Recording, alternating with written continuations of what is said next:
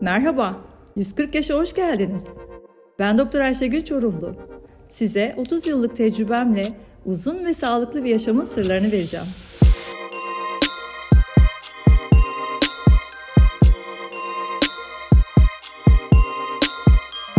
Bir podcast'te daha beraberiz.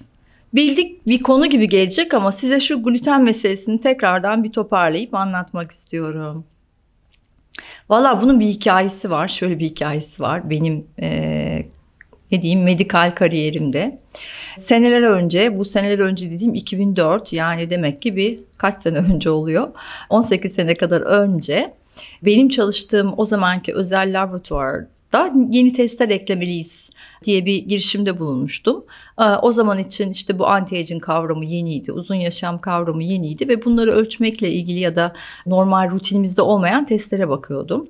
Şekeri, üreyi, kolesterolü ölçmek kolay ama yeni şeylerle nasıl anlayabiliriz biz vücudumuzdaki yaşlanma hızlanmasını diye bakarken o zaman gıda duyarlılık testleri dünyada azdı ve ben Almanya'dan gelen bir testin e, benim bulunduğum laboratuvarda da yapımı ile ilgili öne olmuştum. İşte teste oturduk işte 300 farklı gıdaya bakıyoruz. Sonuçları değerlendiriyoruz.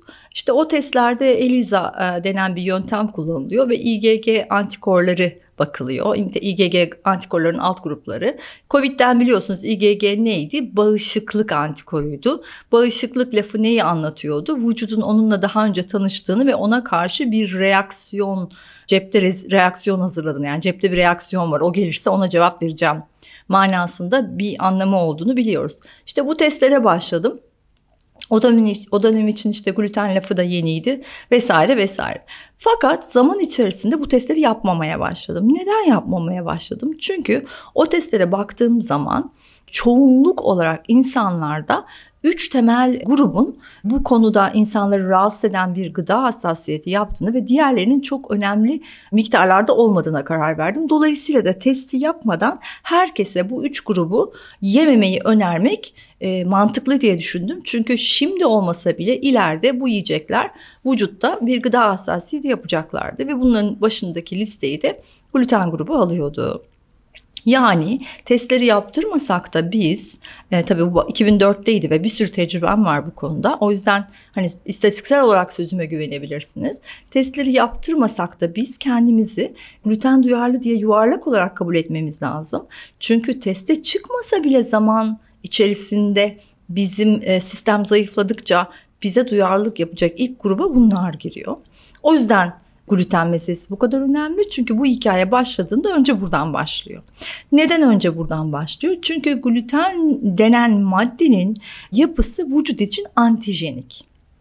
Antijenik ne demek? Antijenik immün sistemi dürtmeyi beceren şeye denir. Virüs de antijeniktir çünkü immün sistemi dürtmeyi becerir. Bakteriler de öyledir. Ee, başka zararlı toksinler de öyle olabilir. Ama gluten de yapı itibariyle vücudun antijenik olarak algılamaya müsait olduğu bir maddedir. Dolayısıyla vücuda giren gluteni başta vücut bunu yapmasa bile işte bağırsak sağlığının azalması, başka sebepler, yaşın ilerlemesiyle beraber o gluteni önünde ve sonunda hani gıcık olacak demektir. Bu gıcık olma onu antijenik algılayacak demektir. Antijen olarak onu gördüyse ona karşı bir bağışıklık savaşı başlatacaktır. Bu bağışıklık savaşında da o bahsettiğim IgG tipi antikorlar yapacaktır. Zaten testlerde de ölçülen şey o proteine karşı IgG tipi antikorun var mı? Bunun anlamı Evet bu madde vücuduna girmiş. Vücudun bunu antijen yani yabancı olarak e, zararlı olarak algılamış ve ona karşı bir bağışıklık reaksiyonu zinciri başlattığı için ben kanda bunu ölçüyorum demektir. Yani sen bunu yemesen iyi olura gelir denen şey bakılan o antikorlar yüzündendir. Niye bu bir sorundur? Devamında da görülüyor ki yine e, bu yılların yayınları, tecrübeleri, istatistikleri vesaire immünoglobulin G'ler glutene karşı olan antikorlar Lego olarak vücudun başka proteinlerine de benzer olursa oralara yapışabiliyor. E, Troid için bu konuda çok çalışma var. Troid'in proteinlerine karşı e, glutene karşı yapılmış antikorlar benzerlik gösterdiği için gidip oraya yapışabiliyorlar.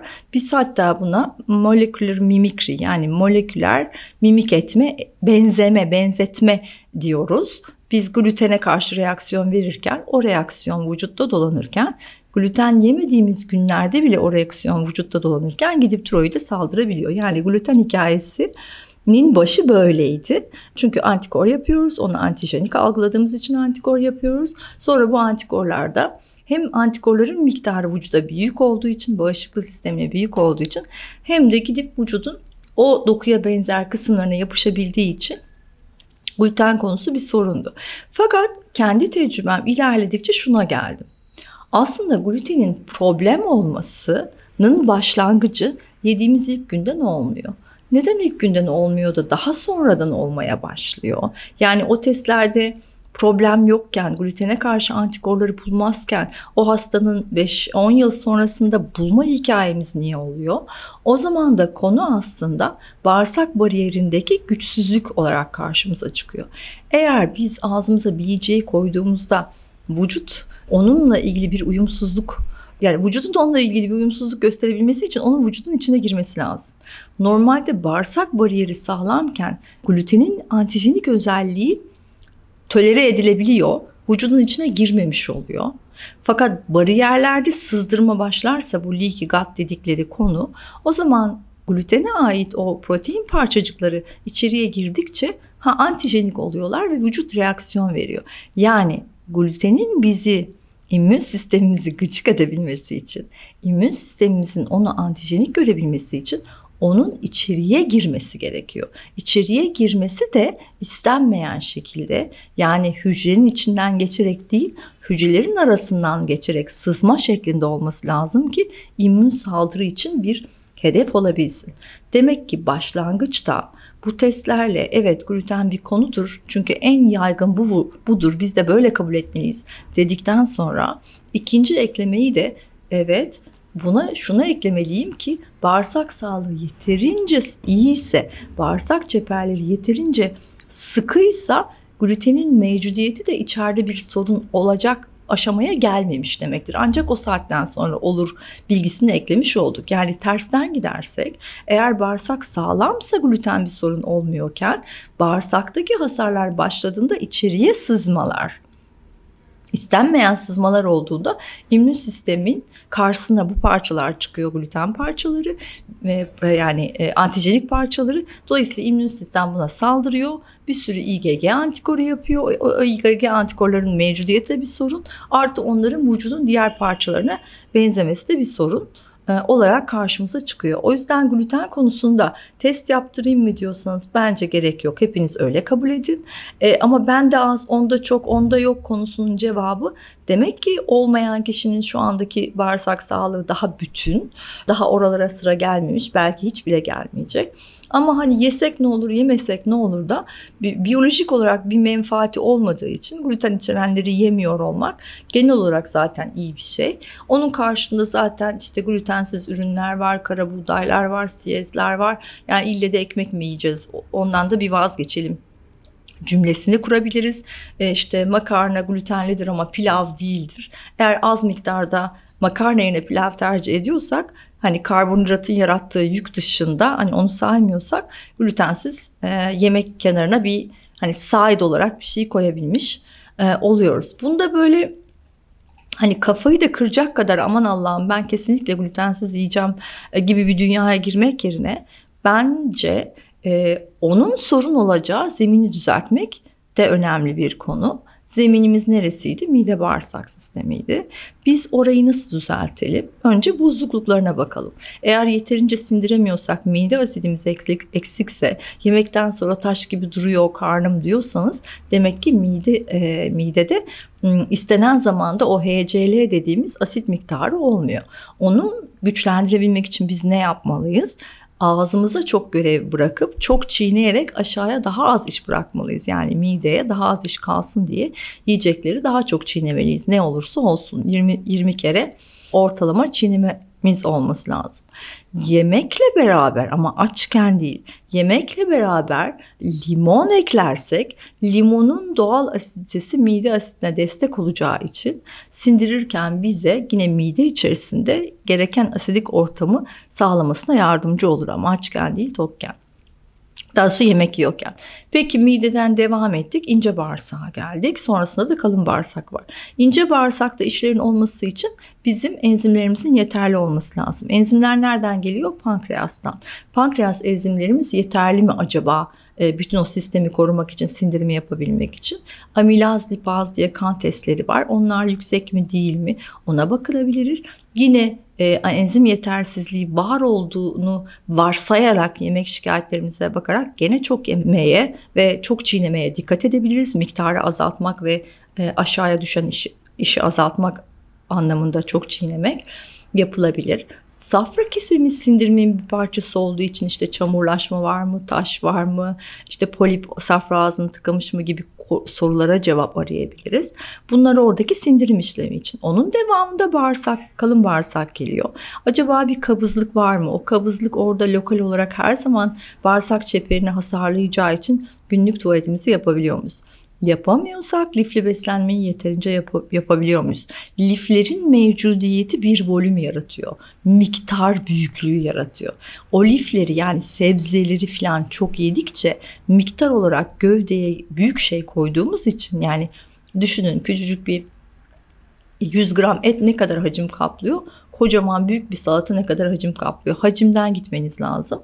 Ve lifler tam da sindirilmediği için bazı sebze, yani sebzelerin, meyvelerin bir kısmı da sindirilemez olduğu için orada kalın bağırsakta volüm yapıyorlar. Volüm ne? Hacim. O hacim ne yapıyor? Kalın bağırsağın çeperini hafifçe itiyor ve o itme duygusu oranın dolduğunu anlatıyor ve bağırsak kasılmaya başlıyor. Az yediğimizde kolay dışkılayamayız biliyorsunuz tuvaletimiz gelmez veya sırf hayvansal gıda yersek ve lif yemezsek gene kolay dışkılama yapamayız. Kabızlık olur hikaye o. Demek ki kabızlık konusu da lokal olarak oradaki ortamı bozuyor. Bağırsak bütünlüğünü bozuyor. İşte probiyotikler falan filan. E zaten onları yemek için kullanacağımız besinler gene onlar beslensin diye. Lifliler yine yine sebzeler vesaireden konuşuyoruz. Kefirler, e, işte ev tipi fermente ürünler yine bakterileri orada arttırmak için. Yani dönüp dolaşıp yaptığımız şeyler, bağırsak sağlığı ile ilgili yaptığımız şeyleri daha odaklanmak oranın bütünlüğünü koruyacağı için, oradaki bariyeri, sınırı koruyacağı için gluten konusunda yemiyorum titizliği yapmak e, konusunu abartmak yerine bu tarafı yani neleri yemeliyim işte lifli yemeliyim günlük dışkılamalıyım çok çiğnemeliyim enzimlerim yeterli olmalı konusuna odaklanmak gluten konusundaki sorunları azaltmak açısından daha iyi bir yani obsesif olacaksanız o tarafa e, olmalısınız. Çünkü hani yana yakala bu da glutensiz mi o da glutenli mi her şeyin de üstüne suyun üstüne yazıyorlar glutensiz diye. Zaten olacak yani ama bu ticari tabii bir yöntem olsun diye öyle yazılıyor. Ne bileyim zeytinyağının üstüne yazıyorlar glutensiz diye yani orada olacak bir durumu yok. Yani bu gluten lafını Hani o havuza ben de yazmış oldum. Ülkede ilk söyleyenlerden biriyim. Ama bu konuda da o kadar tecrübem olduğu için o kadar altının üstünün çizilmiş olmasını bir tık geri adım attırıyorum ve diyorum ki gluten konusunu kabaca yani bu grubu yemeseniz de olur olarak algılayın. Fakat asıl konu onların sorun olmaları sizin içerideki bariyer sağlamlığı eksikliğinizden sonra başlayacaktır. Onlar içeriye kaçarlarsa antijenik olarak algılanacaktır. Dolayısıyla sizin obsesif olacağınız ya da takacaksanız kafayı takacağınız konunun ağızdan anüse kadar olan mide bağırsak sisteminin ihtiyaçlarına cevap vermek olacak. Bu söylediğim yeme şekilleri dışında yememe şekilleriyle de oluyor. O da neydi? Her zaman gittiğimiz şey bizim bütün bağırsak sistemindeki o yan yana sıkışık durması gereken, araların açılmaması ve içeriye sızdırmaması gereken hücreleri yenileyebilmemiz için iyi bir uyku ve gece açlığı yapmamız gerekiyor. Çünkü bağırsağın kript dediğimiz pillerinin dibindeki kök hücreler gece uykuda ve açlıkta yukarıya çıkıp bütün o bağırsak çeperini yenileyebiliyorlar. Bu videonun amacı Gluten duyduğunuzda gözlerinizi kocaman belertip aman ben onu da glutensiz yerim, bunu da glutensiz yerim diyorsanız o o kadar alkışlanacak bir şey değil. Bir kendimize gelelim, bir sakinleyelim. Evet glutenli ürünleri yememek marifet sayılır ama glutenin bizim başımızın açtığı dert asıl bağırsağın hasarlanmasından sonradır. O yüzden önce gluten sonra süt sonra maya diye o hikaye bitmeyecek ya orası açıldı mı bir sürü şey içeriye gelecek ve devamında bir sürü hastalık olacak. Tiroid değil bu migrenden başka hastalıklara kadar ne bileyim sivilceye kadar gidiyor o iş yani içeriye bir kere sızdırma başlayınca her şey sızıyor toksinler dahil. O yüzden takılınacak konunun mukozal bariyer sağlamlığı, bağırsak bariyeri sağlamlığı olması lazım. Söylediğim şeyleri yaparak, çok çiğneyerek, bir anda çok miktarda yemeyerek, e, sindirime destek olacak gerekiyorsa enzimleri alarak e, gerekiyorsa dediğim gibi e, bir limonlu suyu mide asit desteği olarak kullanarak, gece açlığı yaparak, lifli dediğimiz bütün sebzeler meyveler dünyasını arttırarak, kabız olmayarak, bol su içerek ve gece açlığı ve iyi uykuyla oranın yenilenmesini sağlayarak biz buradan yırtabiliriz. Yani glutensiz yiyorum %100 yırttım tam bir cevap değil. O yüzden gluten obsesiflerine duyurulur. Bence yeni obsesyon konunuz bağırsak mukozal bariyer sağlamlığı olmalı. Bilemiyorum değişik bir açıdan anlatabildim mi? Teşekkür ederim.